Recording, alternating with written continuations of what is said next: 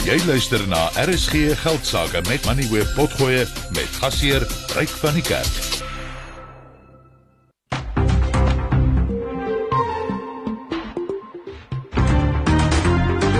Jy luister na RSG Geldsaake met Ryk van die Kerk, jou betroubare bron vir sake en beleggingsinsigte. Hierdie program word aan jou gebring deur Absa. Jy kan aanlyn na Absa skuif en 'n Business Evolve rekening oopmaak. Goeienaand en hartlik welkom by die program. Wat 'n ongelooflike 24 uur het ons nie agter die rug nie. Ons het eers 'n begroting gesien wat uh, meestal eintlik positief was, maar daar het baie dinge ook agter die skerms gebeur veral by Eskom. Andrei de Ruyter het in 'n media onderhoud gesê dat daar is nog steeds grootskaalse korrupsie by Eskom. Skynbaar word daar 'n miljard rand per maand gesteel daar en uh, die wortels van hierdie korrupsie strek terug of uh, tot by senior regeringsamptenare.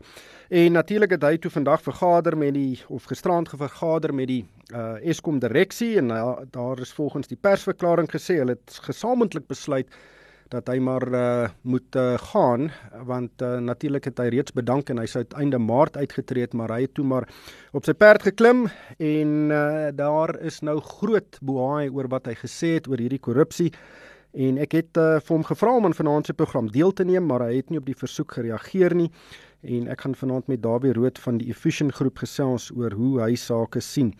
Ek het uh, ek gaan ook met iemand van die tesorie gesels uh oor die onafhanklike konsortium wat skynbaar vir Eskom gaan ondersoek. Hulle gaan na al die bedrywighede kyk. Ek gaan met Jeffrey Khiwane gesels. Hy is verantwoordelik vir die oorsig oor energie en telekommunikasie by die tesorie. En ons gaan 'n bietjie gesels oor die voorwaardes wat die tesorie gestel het om die 254 miljard rand skuld by Eskom oor te neem of die skuldverligting wat gegee word dit is oor 'n tydperk van 3 jaar en uh ook oor die vooruitsigte daarvan dat van die bedrywighede van Eskom aan die privaat sektor gegee gaan word om te bestuur Dit is nie 'n privatisering nie, hulle sal nie aandele hou nie, maar hulle sal dan beheer neem oor van hierdie bedrywighede. Baie interessante ontwikkelings en baie interessante voorwaardes wat die tesorie gestel het en dit uh, is amper kan 'n mens dit sien in die lig van wat Andre de Ruyter gesien ge, gesê het dat daar is dit daar is dalk nie heeltemal die wil binne Eskom om en die vermoë om hierdie korrupsie hok te slaan en dis ook eh, die die doeltreffendheid van die kragstasies te verbeter nie. So ek sien ook uit na daardie onderhoud. En dan gaan ek ook met Martin Peers gesels van Goldfields oor hulle jongste resultate. Hy is tans die tussentydse uitvoerende hoof en dit is nadat Chris Griffith einde verlede jaar bedank het nadat die Yamana transaksie deurgeval het en ek gaan 'n bietjie by hom hoor hoe hulle strategie vorentoe lyk. Maar kom ons kyk eers wat het uh, vandag in die markte gebeur en dit was 'n relatiewe positiewe dag. In Johannesburg was die JSE se indeks vir alle aandele 1,1% hoër op 79010 punte. Die Hulbron indeks wen 1%. Nywerheidsaandele was 0,8% hoër en die finansiële indeks is stewige 1,6% op. As ons kyk na aandele wat uitgestaan het, 91 5,6% hoër op R45.50. Telkom wen 4,7% sluit op R37. Northam 4,4% op op R156.40 en Bidcorp ook 4% sterker op R397. Aan die negatiewe kant verloor Truworths 5.5% sluit op R63.84. Goldfields 3.5% af op R169. Mondi verloor 3,1% sluit op R311.36 en Barloworld 2,8% laer op R93.26. As ons kyk na wêreldmarkte, die Dow Jones is basies onveranderd, die S&P 500 is net net op, so ook die Nasdaq indeks. In in Europa het die FTSE 100 net net negatief gesluit, terwyl die Duitse DAX 0,7% en die CAC 40 0,5% gewen het. Die rand staan op R18.24 teen die dollar, R21.94 teen die pond en R19.33 teen die euro. 'n Uh 'n Bitcoin kos R441 000 en 'n uh, Ethereum uh, R30550. Die goudprys effens laer $1824, Platinum effens hoër op $944 en 'n vaatjie Brent olie kos 82 dollar en 34 Amerikaanse sent. En op die uh, kapitaalmark, die R186 staatseffek het uh, so effens verswak tot 8,61%. Skalk Lou is 'n portefeuljebestuurder by PSG Wealth Old Oak. Skalk, welkom by die program. Baie kan in 24 uur verander en dit is nogal interessant dat die markte nie vir my eintlik werklik daarop gereageer het nie. Ja, goeie aand Ryk en goeie aand aan al die RSG luisteraars. Ja, vier seisoene in een dag. Dit is ongelooflik om te kan sien weet wat in 'n wat in 'n dag kan gebeur. Baie soos gister waar ons eh, weet eh, baie verdeeldheid gehad het. Sekere aandele maatskappye het baie baie goed gedoen. Sekere maatskappye het net verskriklik vrot gedoen. Dis weer vandag dieselfde. Weet jy het nou net so pas gesê die verloorders van die dag jy 3 uit die 4 weet grootste verloorders is maatskappye wat wat vandag gerapporteer het. En uh, met teleurgestel met hulle rapporterings en dat die RV saak geslag is in die proses terwyl die markte natuurlik ietwat beter gelyk het as wat dit gister gelyk het. So ja, maar nog steeds moeilike tye. Kom ons gou gou vinnig deur van daardie maatskappye, die grootes uh, Discovery het resultate aangekondig. Die aandeleprys 2,1% hoër. So dis nie in daai uitgeleese groepie waarna jy nou net verwys het nie. Nee, ek is nogal verras en ek moet hulle komplimenteer. Daar's 'n paar dingetjies wat vir my uitgestaan het. Ek weet ons is 'n bietjie gedruk vir tyd, so ek gaan baie vinnig nou net sê ek dink hulle die ding wat vir my uitgestaan het is die bankkant. Want hulle hulle hulle die bank redelik onlangs begin. Ons weet dit almal. Ons weet dit vat 'n tydjie om 'n bank weet winsgewend te kan kry. En en hulle het gesê bid, hulle is hulle beplanning van jaar weet gelyk te breek by die bank weet hulle het dit reg gekry om hulle bankkliënte op te stoot na 580 000 kliënte. Dis natuurlik 51% hoër as vir hierdie jaar hierdie tyd. So oor die algemeen, ek moet sê ek het hierdie syfers gekyk en dit het vir my redelik goed gelyk. Natuurlik konsensus geklop en soos jy nou genoem het, eh, het die aandeleprys baie lief gewees daarvoor vandag. Dan Truev se baie groot uh, kleinhandelgroep, uh, natuurlik het hulle nou die swakste gedoen onder die top 40 aandele vandag. Hoekom? Ja, nee kyk ons weet hulle het 'n uh, weet 'n reeds weet 'n opdatering gegee so 'n paar weke terug. Die mense was oorspronklik baie opgewonde want dit gelyk of dit dit sou geklop het. En ek dink op die oog af het dinge nie vir my te sleg gelyk. Dit het regtig eintlik goed gelyk. Ons het gesien die wesensverdienste per aandeel het gestyg met 9.8%, die omset het gestyg met 13.7%. Dit uh, dividende het verhoog. So alles het redelik goed gelyk, maar ek dink die vooruitsigte, daai gedeelte het die, het die mense bietjie bang gehad. Ons kan sien dat baie soos wat te stel vandag genoem het, ek weet ons gaan praat daaroor weet later sê steeds weet die die die uh, beurtkrag is besig om definitief sy tol te eis. Hulle sê verseker alhoewel hulle die ligte en die die besighede kon oopgehou het oor hierdie tyd, gaan dit toenemend vir hulle moeiliker wees indien ons die huidige beurtkrag kragsiklusse weet handhaaf. So ja, weet ek weet weet op hierdie stadium daar's daar's daar's 'n bietjie druk op hierdie kleinhandelaars ehm um, en uh, ja, die ander pryse geslag Ja, verskeie van die kleinhandelgroepe, veral die wat kos verkoop is 'n uh, bietjie ontsteld want die regering of in die begroting is daar verligting gegee aan voedselvervaardigers dat hulle die die padongelukke fonds heffing kan terugeis. Ek dink dit is R2.18 per liter uh, omdat natuurlik uh, hulle moet nou hulle diesel kragopwekkers aan die gang hou om om kos te produseer, maar dieselfde vergunning is nie aan die kleinhandelgroepe wat kos verkoop gegee nie soos uh, Checkers Pick n Pay en Woolies en en dis meer en uh, ek dink hulle dalk 'n rede om 'n bietjie uh, te brom. Ongetwyfeld, ongetwyfeld. Ek ek wil ek wil weet dat my uh, plaaslike checkers of Woolworths of, of wat ook al ek gebruik se se se yskaste en vrieskaste loop weet permanent. Weet ek wil nie na aankom en ek wil wonder oor die vleis of wonder oor die vis, wonder oor die hoender nie. En en hulle het dieselfde probleem. Dit is die voedselvervaardigers. Hulle moet hulle voedsel koud hou en um, op hierdie stadium enigste manier om dit werklik maar te doen is om diesel in te pomp. Dan kom ons kyk na Mondi het ook swak vertoon. Die aandelepryse uh, 3% laer en uh sê die afgelope jare is die aandeleprys nou al 20% af. Wat het hulle gesê? Ja, ek ek, ek weet ons hoef nie te diep in te gaan daar sê die ehm um, weet op die oog gehad baie dieselfde het ek gedink hulle lyk nie vir my vir my te sleg nie. Ek dink was net meer meer verwag. Ehm um, hulle het natuurlik hulle vooruitsigte weer genoem gesê weet dit is wel die insetkostes begin daal sien ons steeds ehm um, weet 'n algemene afname in in die vraag. Ehm um, so so ek dink daar weet mense kan sien die die, die rentekoerse. Jy weet hulle doen verpakking, hulle doen boksies en hoe minder mense hierdie hierdie teiklaat boksies koop daai tipe ding, hoe minder gaan gaan Monday natuurlik besig wees. So hierdie hierdie is definitief 'n uh, negatief. En uh, ek dink net ek moet vir die vir die luisteraars sê wees dit baie versigtig want hulle is nog besig. Onthou, hulle is nog besig met onderhandele handelinge om ontslae te raak van hulle Russiese bedrywighede. Ons het nog nie weer verder nuus gehad nie. Ons weet hulle het gepraat dat hulle is besig om met onderhandelinge en indien daai transaksie natuurlik deurkom, kan dit nog 'n wesenlike effek uh op op op Monday uh, my, my opinie is positief. So ja, aandeleprys vandag natuurlik baie onder druk geweest 13 3.1% af vandag, maar weer eens hou maar net hier net 'n bietjie dop, moes versigtig om emosioneel op te tree met hom. En dan stel jy het vroeër verwys na hulle, hulle wag nog vir die regulatoriese goedkeuring dat uh, Heineken hulle koop, uh, maar hulle het ook resultate bekend gemaak. Aandeleprys basies onveranderd.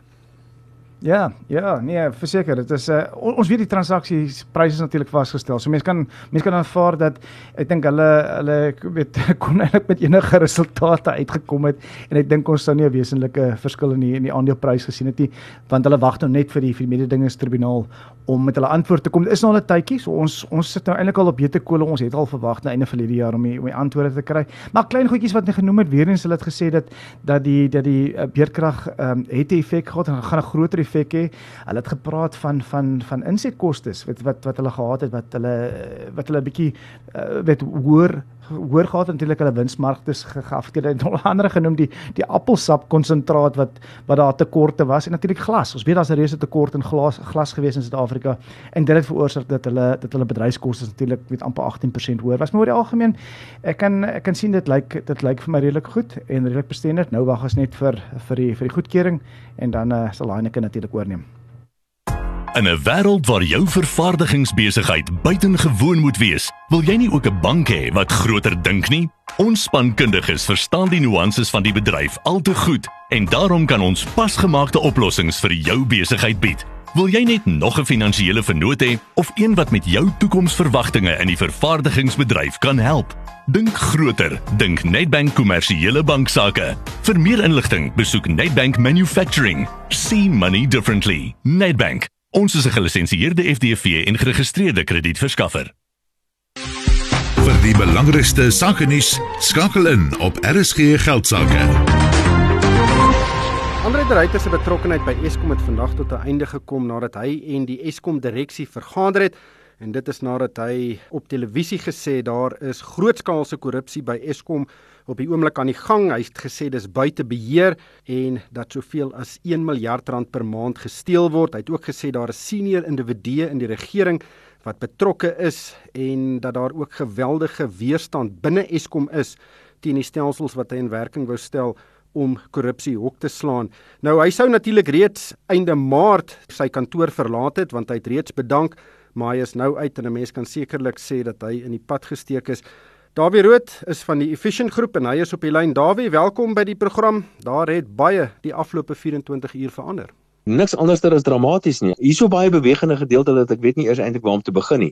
Ons het byvoorbeeld 'n nuwe kabinet wat op pad is. Ons het 'n nuwe minister van elektrisiteit wat op pad is. Ons het die minister van finansies wat groot veranderings aangekondig het wat Eskom aan betref en nou het hierdie bom wat gelos is deur Andre de Ruyter wat beweer van korrupsie in die regerende party en alles wat daarmee saamgaan en ewe skielik is nou besluit dat hy moes met dadelik sy tassie vat en gaan. Ek dink die goed wat Andre de Ruyter gesê het, dit is werklik waar 'n bom wat ontplof het. Een van twee goed moet hier gebeur. Hy moet bewys dat hy leuns vertel het en sy kop moet rol in die proses of daar moet behoorlike stappe geneem word om vas te stel wat werklik hier aan die gang is. In normale lande met behoorlike werkende demokrasie is indien sulke tipe van beweringe gemaak word deur iemand so senior soos byvoorbeeld Andre de Ruyter. Onthou, hy het die grootste utiliteit of dan nutsmaatskappy in Suid-Afrika bestuur. Hy's 'n senior persoon wat baie ernstige aantuigings gemaak het en is daar enige waarheid in hierdie tipe van goed is dink ek moet die regering eintlik bedank. So ernstig is hierdie tipe van aantuigings wat hy gemaak het. So ek dink nie die president kan dit net los nie. Een van twee dinge moet gebeur. Of die regering moet pa staan vir die beweringe wat teen hom gemaak word of dit moet bewys word dat ander ruiters uh, leuns vertel. Ja, ek dink die regte roete om te volg is die howe. Hy moet 'n kriminele klag gaan lê en daar moet 'n formele ondersoek wees. Dis een ding om dit op 'n televisieprogram te sê. Die ander ding is as mense dit nou regtig moet ondersoek, dan is daar die kanale wat gevolg moet word en dit gaan interessant wees om te sien of dit volg want hy het basies homself nou 'n vletjieblaser gemaak. Ja, ek het gekyk na sy onderhoud, maar soos ek dit verstaan, het hy 'n paar keer by die polisie en by die vervolgingsowerhede het hy nou klagtes al aan aanhange gemaak. Daar het blykbaar niks van gekom nie. Volgens hom nou en ek weet nou nie wat moet hy doen. Hy kan nie direk na die howe toe gaan nie. Ek meen dit is 'n kriminele saakie, so gaan lê klag by die polisie en sê dit is wat jy moet gaan gebeur, maar hy het dit blykbaar alreeds gedoen. So verstaan ek dit. En daar het niks van gekom nie. Ek dink wat miskien ook moet gebeur en die president moet hier so toetree. Die president moet op 'n manier met 'n een of ander standpunt inneem hierso en ek soos ek gesê het, die president moet selfs so ver gaan om te sê dat ek gaan 'n kommissie van ondersoek instel en ek haat kommissies. Dis 'n ding wat gewoonlik nie goeie uitkomste het nie, maar hy kan 'n kommissie van ondersoek instel en sê hulle moet die prima facie beweringe van die ryter ondersoek en hulle moet binne 'n maand kom met 'n voorlopige verslag en voorlopige aanbevelings. Byvoorbeeld, dit is iets wat ek reken die president moes gedoen het en dis wat ek dink hy nog steeds moet doen. Hierdie aantuigings is werklik waar groot uh, aantuigings teen die regering en ek dink ons kan dit nie net so los nie. Niemand kan dit net so los. Dan daar weer een van die verrassende aankondigings wat in die begroting deurgekom het was die streng voorwaardes wat die tesourier gekoppel het aan die oorneem van die 254 miljard rand van Eskom se skuld oor 'n tydperk van 3 jaar. En dis nogal interessant in die lig van wat nou met Andre de Ruyter gebeur het en sy uitlatings, want die voorwaardes is streng. Dit bepaal onder meer dat 'n onafhanklike konsortium 'n ondersoek na Eskom se bedrywighede gaan doen en dan voorstelle maak oor hoe om Eskom se doeltreffendheid te verbeter en, en dan moet Eskom hierdie voorstelle in werking stel. Nou ons weet nie baie van hierdie konsortium af nie behalwe dat dit verteenwoordigers insluit van die vervaardigers van die toerusting wat Eskom in sy kragstasies gebruik. Eskom moet dan boonop ook die bedryf van sy kragstasies uitkontrakteer aan die private sektor nadat hierdie ondersoek nou afgehandel is en die veranderings in werking gestel is en die private sektor sal dus daardie stasies bedryf en dit sal op 'n konsessiebasis wees. Hulle sal nie aandele besit in daardie stasies nie. Dis 'n interessante ontwikkeling. Die regering sê dis nie 'n privatisering nie, maar hoe sien jy dit? Hier is eintlik op 'n manier die privatisering van Eskom wat geleidelik besig is om plaas te vind. En dis die begin van die einde van Eskom. Soos wat Suid-Afrikaanse lugdiens tot einde geloop het en die poskantore ook net einde geloop het. Ek is nie heeltemal seker hoe die proses gaan plaasvind nie, maar ek vermoed 'n skuld wat verval gaan net eenvoudig term wat ons gebruik is oorgerol word op die staat se boeke. En dan dan so so wat 70 miljard rand se rente wat die staat gaan betaal. So dis nie alles skuld nie. Maar wat hier eintlik aan die gebeur is dink ek van 'n politieke hoek wat ek dink belangrik is, is dat die tesourier het hierdie tipe van goed geïmplementeer, hierdie voorwaardes is gestel. Gweri Montas vir een is verseker nie tevrede met hierdie tipe van voorwaardes nie.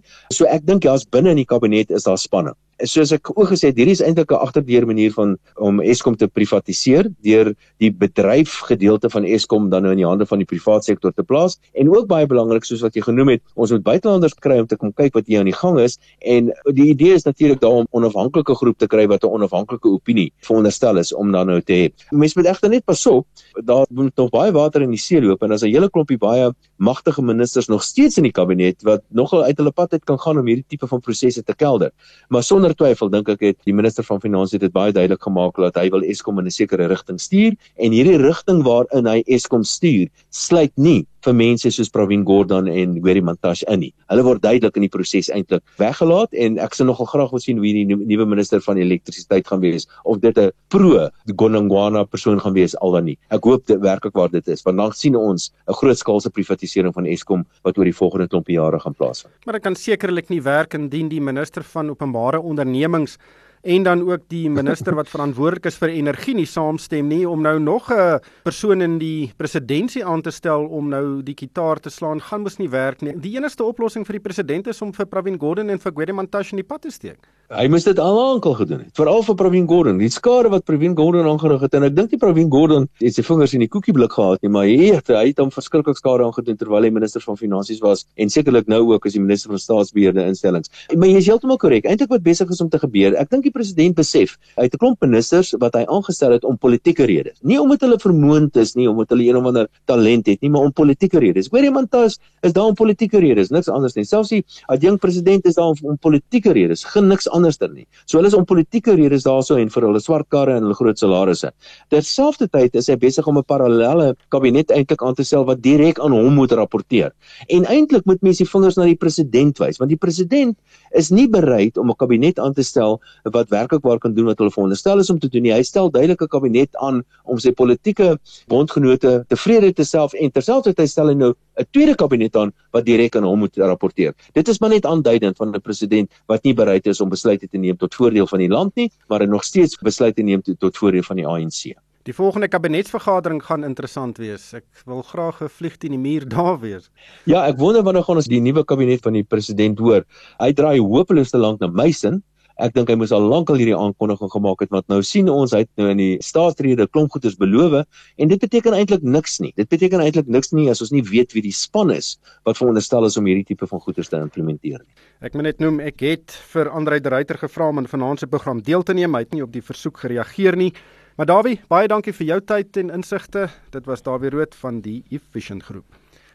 Nou is Jeffrey Kwevane op die lyn. Hy is verantwoordelik vir oorsig oor energie en telekommunikasie by die Tesorie. Hy is 'n amptenaar daar, so ek kan nie met hom politiek gesels nie of oor Andre de Ruyter nie, maar Jeffrey, thank you so much for joining me. Um Dawie Rood and I just discussed some of the conditions the National Treasury um, attached to the uh, debt arrangement um, you announced with um, Eskom or, uh, yesterday during the budget. And it is very strict. Um, it calls for an independent investigation into the operations of Eskom and that Eskom must implement these recommendations. Uh, what is the background of this investigation? Uh, th- uh, thanks, Ray, and good evening to your listeners.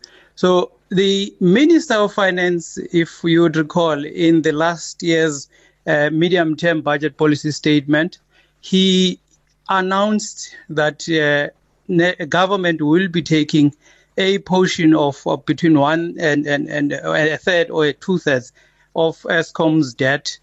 In developing that solution for ESCOM's debt, the minister announced that National Treasury will also be undertaking this independent review. The idea behind the independent review is that the minister wants to understand at the power station level what are the root causes that are contributing to this decline in the operational performance of ESCOM, which has uh, led us now to actually experience this uh, severe load shedding. So this is the rationale that, is, that the minister actually thought of. And the idea is that once the review is completed, the outcome of, the, of that review will then find its way into the conditions that ESCOM will have to implement. And this will be done via uh, incorporating all of those conditions into the ESCOM's corporate plan, which is the guiding document that they, they use to actually uh, run their business. Who can you tell us more about the independent consortium who is conducting this review? Who, who is, is uh, involved there, and, and what are their powers? So the the, in, the the independent review has been appointed by the National Treasury. They are officially starting uh, work on the 27th of uh, February, which is next week Monday.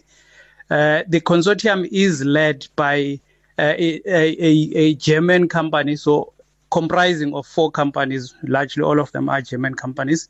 The name of the company that is leading the consortium is VGB uh, Energy. Uh, and other partners in the in the consortium is KWE Technology International and Stag Energy, as well as Donier Power and Heat. So the advantage of this consortium is that they have worked in ESCOM's power station, in various ESCOM's power stations, so they understand the environment. And this uh, contract that we have with them is it's fairly short because it's only four months. Uh, they have to conclude their work by between June and July, and and then we will then be able to then take stock once they have concluded uh, the, the this independent review. So they have a fairly understanding in the in the in the apologies in the in the in the in the in the uh, ESCOM's uh, power station fleet, and the focus I must also indicate the focus is only on the coal fleet. So all the coal power stations of ESCOM they will be looking at them. So, who appointed this consortium? Was it National Treasury, the ESCOM board, the Department of uh, Public Enterprises? Who, who, who appointed the, the, this commission or this consortium? It is National Treasury, which is part of this debt uh, relief package that has been announced by the minister. And the the outcomes must be implemented. Um, of course, we don't know what those outcomes must be, but the another condition is that following the implementation of, probably, probably part of that process, um, Eskom must get the private sector to come and run those stations through a concession model, pretty much what we've seen with Transnet recently. Um, has that been discussed with the other government departments? Because there seems to be a significant resistance to such a private sector involvement. Uh, Ray, I must start by explaining that this proposal, uh, this debt relief package, has gone through the, the, the, the, the cabinet. Cabinet has seen the conditions. Uh, but at the same time, we have discussed the, the conditions with uh, uh, the Department of, of Public Enterprises and, and, and minerals and energy. However, I need to contextualize the concession, how we've seen it, but that will be augmented by the outcome of the review. The, the, this is not, in our view, a privatization of Eskom's power station, but this will then, in our view, allow the original uh, equipment man- manufacturers to come in and offer the skill that they have in order to actually turn around and improve the energy availability factor, which is critical in ensuring that we deal with uh, with uh, with load shedding. So at this stage, we haven't worked out the finer details of how the concession will uh, be undertaken, but it is not an, a, a sale of Eskom's power station to the private sector. Who will determine the terms of that concession? Would it be Eskom, National Treasury, or another department? No, it it will be the outcome of the of the review and and the, and, the, and and this consult this consortium. They will then give us some uh, ideas. Uh, then we will take it as NT and then consult with other departments. But this this process, all of it, and this exercise is led by the National Treasury. Jeffrey, thank you so much for your time tonight. Dit was Jeffrey Kwewani. Hy is by die tesourier en hy is verantwoordelik vir oorsig oor energie en telekommunikasie. Skalk, hier is 'n snaakse bal aan die rol en dit lyk of hy al verder gerol het as wat baie mense dink.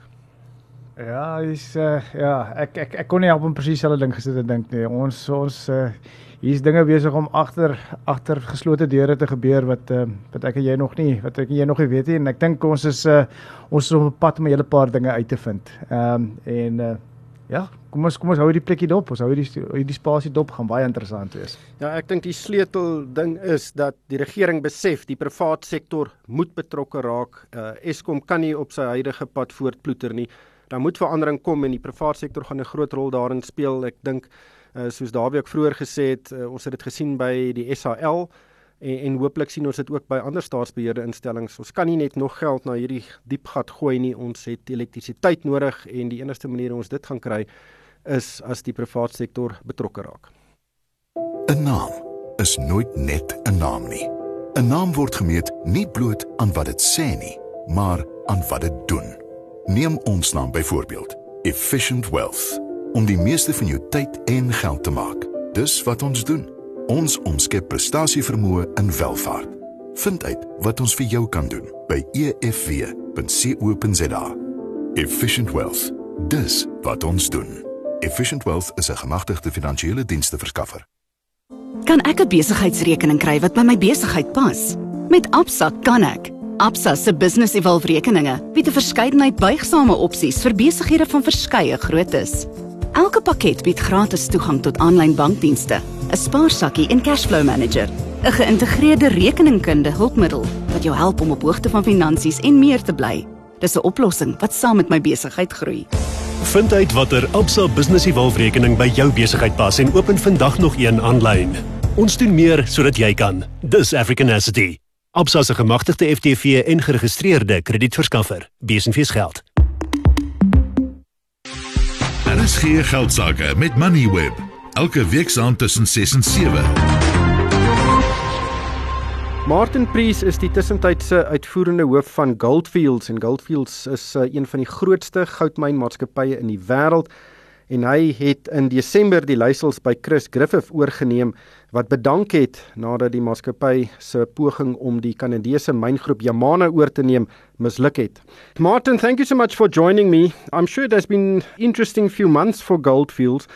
How do you view the events surrounding the failed bid And where does it leave the company in terms of its strategic direction?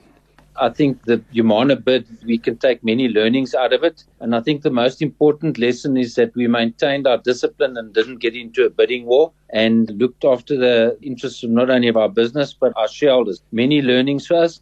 I think you would have heard during the bid that the Humana transaction wasn't the only transaction that Goldfields was looking at at the time and the only opportunity. So learnings going forward is that we're going to continue to conduct analysis of alternatives and where there's potential M&A, they're going to be more focused on incremental growth rather than large transformational transactions going forward. So lots of learning. I think we're in a good position and the team has dusted off their knees and we're up and running again. I've read your financial results and especially the operational review. And you did say now that Yamana wasn't the only option on the table and you were looking at other bids as well. But are you currently looking to do large acquisitions? Because currently we are relatively high up on the commodities curve and the cycle. Is it the best time to do such a big deal now?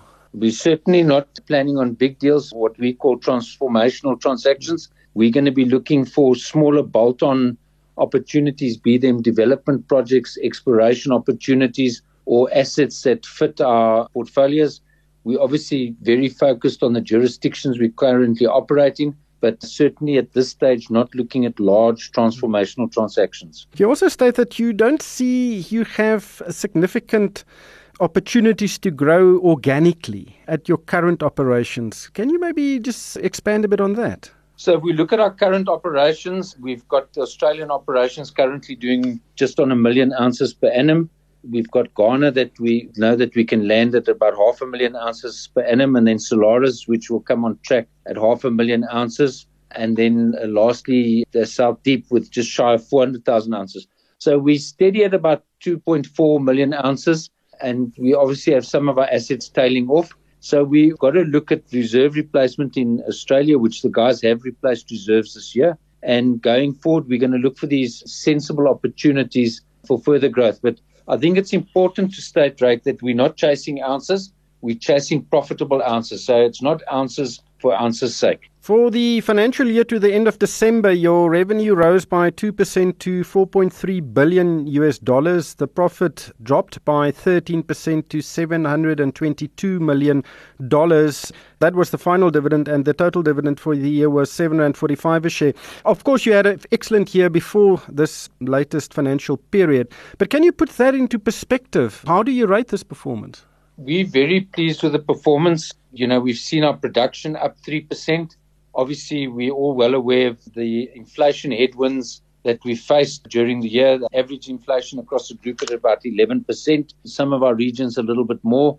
We were protected with currency in South Africa and Australia to a limited extent. So we pleased. The gold price was marginally lower than the previous year. We've had the inflation. We've done a little bit more gold and we're pleased with this. And I think in terms of the point you made around the dividend, it's 47% of our normalized earnings, which is really a great dividend. And some of that is made up. We wanted to share some of the gains from the break fee from Humana. So we've taken 50%, $100 million of that break fee and put that into dividends so that our shareholders can also share in that upside with us. But the market doesn't seem to agree. The share price is down over 20% over the past 30 trading days. That obviously at this stage is largely gold price driven. We watch that on an ongoing basis and we compare ourselves to the sector. I think it's just cyclical where the gold price is, and we trust that as gold price comes back, we'll see that recovery. So it is a bit of a, I don't know how you would call it, a transitionary period where Goldfields finds itself in. And of course, it's a very, very big company. You've got a market cap of over 160 billion Rand. How patient do you think investors should be with Goldfields before there's really, again, a strong signal as to where the company is going? We're very clear where we're going. We've got a very good strategy in place, building up to sort of 2.7, 2.8 million ounces per annum you know, in the medium term. We've got the strategy in place with the three pillars. We've got a team that's working very actively on that strategy. And as much as we might be perceived as being in transition, we are working full steam ahead I'm sure you can appreciate in the mining industry, we have busy days, so we don't have time to pause and reflect for too long. We've actually just got to get on, roll up our sleeves, and get the work done. The South African political and economic environment is also a bit uncertain. How difficult is it to do business in South Africa in this environment compared to your other international operations? I think there's ups and downs in all the jurisdictions that we operate. We're aware of the social and fiscal crisis that the Ghanaian government is going through at the moment. That's one aspect there. In Peru, we've had social unrest, fortunately, largely in the, the southern part of the country. And in South Africa, I mean, the looming issue that impacts all of us is the uh, challenges with Eskom and the reliability of power. We believe that in our investment in solar and we're looking at wind at South Deep to become less dependent on grid power is the right one. It, it, gives us a level of independence. I think part of our broader strategy that in terms of climate and renewables, Goldfields doesn't want to be part of the problem. We want to be part of the solution. How long will it take before you generate your own power, especially through that very interesting wind project? Because I believe you've picked wind as a power source because you can then extract electricity 24 hours a day. We've got the 50 megawatt solar project that's already commissioned at South Deep. The wind study is underway, so we've got the towers measuring the wind, but we've also commenced with our environmental permitting process. We envisage sort of towards the back end of this year, we should be through the the hard yards of the environmental permitting. We then need to take the project to the board for approval, and we estimate a sort of 12 to 15 month lead time on wind turbines. So we're looking most probably two and a bit years before we get those wind turbines running at full speed. Have you installed your own generation capacity at any of your other international operations? Yes, Goldfields has done great work. Our Agnew mine in Australia is already 54% of their power they consume is generated by renewables, a combination of wind and solar. There's a 12 megawatt plant at Gruyere, our big open pit mine in Australia. And then this year, we're doing the study work to move to renewables at our St. Ives gold mine. In Peru, the power source there is all from a hydroelectric scheme, so fully renewable. And then work is also happening at Granny Smith mine in Australia. So it's a big part of where we're going. Last year, just shy of 14% of our total electricity consumption in the group across the globe came from renewable sources. And was the electricity you received from those renewable sources cheaper than the government supplied uh, electricity? Definitely. In our view, it's a value accretive investment. We're generating a kilowatt of energy at South Deep at about 10 cents a kilowatt compared to what we take off the grid at about a rand 50 a kilowatt hour. So we're very comfortable with the business rationale of this investment into renewables. Dit was Martin Priest, die tussentydse uitvoerende hoof van Goldfields. Skalk baie interessante opmerking wat hy laaste gemaak het. Hulle kan hulle eie elektrisiteit vir 10 sent per kilowattuur opwek en as hulle dit by Eskom koop is dit rand 50. Ek dink as al die myngroepe dit doen en dit klink vir my of al die myngroepe regtig uh, belê in sonkragstelsels veral, dan gaan dit vir hulle finansiëel oor 'n hele paar jaar eintlik baie baie positief wees verseker. Soos hy gesê jy wil deel wees van die oplossing en, en nie die probleem nie. So weet ek wil amper gaan en ek wil dit uitbrei. Nie sê net dit is nie net myne nie. Ek dink dit is oor die algemeen weet moet 'n mens kyk na ehm um, koöperatief Suid-Afrika het wat 'n mynwese is en of dit met ander ander bedrywe is. Maar ja, dit dit is definitief nie net ehm um, weet kom ons sê 'n oplossing vir beerdkrag, maar soos jy sê, dit is 'n oplossing vir hierdie maatskappye om oor die langtermyn weet uh, alle alle winste op te stoot. So ja, ek baie opgewonde. Vind uit watter Absa Business Evolve-rekening by jou besigheid pas en open vandag nog een aanlyn. Ons doen meer sodat jy kan. Dis Africanacity. Absa se gemagtigde FTV en geregistreerde kredietverskaffer. Besenfees geld. Er is geen geldsaake met Moneyweb. Jou betroubare bron vir sakke en beleggingsinsigte. Hierdie insetsel word aan jou gebring deur Jacques de Wet van PSG Wealth Somerset Wes. Dit is amper die einde van die belastingseisoen en ek het so ruk gelede met Jak gesels oor die voordele daarvan om in uitreaniteite te belê en hoe om die volle belastingverligting wat hierdie produkte bied te benut. En vanaand gaan ons kyk na hoe om 'n beleggingsportefeulje te struktureer sodat jy die minste moontlike belasting betaal. Jak sluit nou weer by my aan. Jak, welkom by die program. Kom ons begin net by die basiese dinge. Wat is die verskil tussen belastingvermyding en belastingontduiking? As jy 'n belastingprobleem het, is jy eerstens in 'n baie goeie posisie en kan jy jouself as geseënd haal. Wanneer ons hierdie tyd van die jaar baie keer oor belastingtriks kom oor jou pad en die term tax loophole of belastingskuiwergat, is die mooi Afrikaans. Dit kom dikwels ter sprake, val om die braaivleisvure. Maar hier is dit nou presies. Daar is nie iets soos 'n tax loophole of 'n skuiwergat nie. In meeste gevalle word dit eerder vir jou 'n slaggat. Daar is net dit wat wettig is en dit wat onwettig is. En belastingvermyding is wettig en belastingontduiking is onwettig. Hoe kan ek wettiglik minder belasting betaal? Dit kom dan neer op belastingvermyding en vermyding met ander woorde. Opmerking wat ander dag gemaak is en wat ek nogal geniet het is 'n kliënt vir my sê gee aan die keiser wat die keiser toekom en nie gee aan die keiser dit wat hy wil hê nie. So belasting kan vermy word deur gebruik te maak van legio instrumente. Jy het nou genoem van die uitreniteitsbydraes. Jy kan in beleggingsprodukte belê wat 'n laer belastingkoers het as wat jou eie persoonlike belastingkoers is. Kan jou boedelbeplanning implanteer, skenkings en segades, ag jy lys van aan trust strukture ensovoorts. Maar ek dink waarop ons moet fokus is sogenaamde belastingoesting of in Engels tax harvesting. Nou dit het niks te doen met graanoes in die swartland nie, maar daai boere kan ook belasting oes. So belastingoesting werk oor die algemeen so. Jy verkoop 'n belegging wat onderpresteer en wat 'n kapitaalverlies het en dan gebruik jy daardie kapitaalverlies om jou gerealiseerde of belasbare kapitaalwins te verminder. En dit laat jou toe om beleggings wat onderpresteer of wat 'n kapitaalverlies het te verkoop, dit te vervang, soms met redelik soortgelyke beleggings. En dan speel jy dit nou af teen ander gerealiseerde beleggingswinste wat jy dalk het. En die eindresultaat is natuurlik dat jy minder van jou geld aan belasting spandeer en meer geld kan belê bly en dit kan vir jou werk. Maar dit verminder net jou kapitaalwins aanspreeklikheid. Ja, wel kapitaalwins moet jy onthou word ingesluit by jou inkomstebelastingberekening. So dit verminder jou belasbare inkomste op die einde van die dag ook. As ek altyd dink aan die verkoop van aandele wat gedaal het, dan is een van die redes gewoonlik daarvoor dat jy jou kapitaalwinsbelasting wil beperk. Maar wat jy nou sê, dui ook daarop dat jy jou inkomstebelasting kan verminder. Dis korrek. In wese ryk as jy 'n kapitaalverlies het en jy het 'n kapitaalwins en die wins is groter as die verlies, dan spaar jy eerstens op die kapitaalwins wat dan ingesluit word in jou inkomstebelastingberekening wat dan sal tel as belasbare inkomste.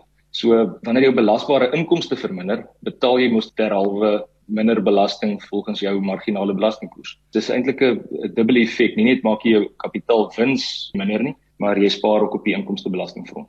Is daar enige beperkings op hoe en wanneer jy hierdie belastingoesting kan gebruik?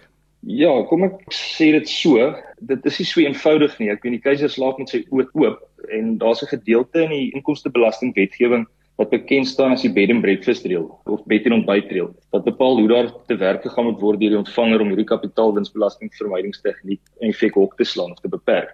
Nou in 'n letterlike sin verwys hierdie term van bed and breakfasting na die verkoop van aandele op een dag voor bedtyd en 'n terugkoop van dieselfde aandele in die volgende dag by ontbyt. En die doel van so 'n korttermyn verkoop en terugkoop van aandele is juis om 'n kapitaalverlies te genereer vir die verrekening nou teen die kapitaalwins in dieselfde jaar van aanslag. Nou die doel van hierdie bet en ontbyt transaksie is bloot om die portefeulje na sy voorverkoop posisie te herstel.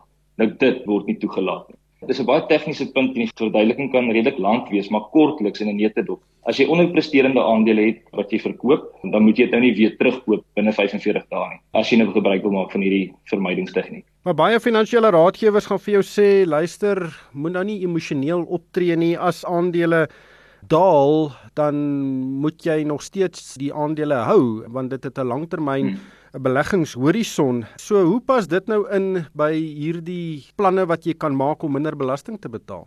Dit is 'n baie goeie punt wat jy maak, Ryk. Ek dink die laaste ding wat 'n ou wil bereik is om 'n verhandelaar of 'n trader te wees, want dit mag negatiewe gevolge hê.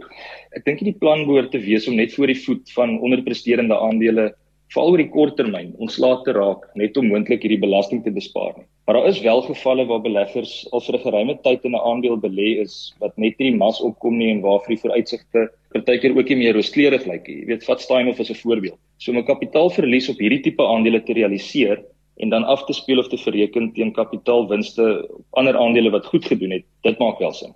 Baie dankie, Jak. Dit was Jak de Wet, welvaartsbestuurder by PSG Wealth in Somerset West. Hulle span het kantore in Somerset West, Pretoria, Mokopane in Limpopo en ook in Mamasbury. Hy of sy vennote, Hein Navinga en Servaas Haasbroek, kan gekontak word by 021 851 3353 of stuur 'n e-pos aan jak.dw@psg.co.za. Dis Jak J A C.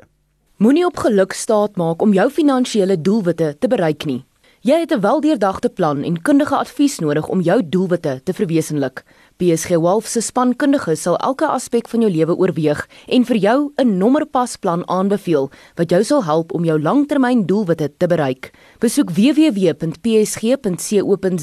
vir meer inligting. Geaffilieerdes van die PSG Konsultgroep is gemagtigde finansiële diensverskaffers. Vind uit watter Absa Business Evolve-rekening by jou besigheid pas en open vandag nog een aanlyn. Ons doen meer sodat jy kan. Dis African Asset. Absa se gemagtigde FTV en geregistreerde kredietverskaffer. Besenfees geld. Besoek RSG Geldsaake se Facebookblad en kom ons gesels. En daarmee het die tyd ons ingehaal. Baie dankie aan Skalk Lou. Hy is 'n portefeuljebestuurder by PSG Wealth Old Oak. Luisteraars is welkom om na potgoeie van vanaand se program te luister. Dit is beskikbaar by moneyweb.co.za en ook ons Moneyweb slimfoon toepassing. As jy hom nog nie afgelaai het nie, laai hom af. Daar is baie inligting daar insluitende al die Moneyweb ehm um, en RSC geldsaake potgoeie. Jy kan ook regstreeks na ons program daar luister. En daarmee moet ons groet van Pieter Botha, Palesa Matlala en vir my Ryk van die Kerk. Dankie vir die saamluister. En hierdie program is aan jou gebring deur Absa. Jy kan aanlyn na Absa skuif en 'n Business Evolve rekening oopmaak. Jy het geluister na RSG Geldsaake met Money where potgoe elke weeksdag om 7 na middag. Vir meer Money where potgoe, besoek moneyweb.co.za of laai die toepassing af en volg Moneyweb News om dagliks op hoogte te bly.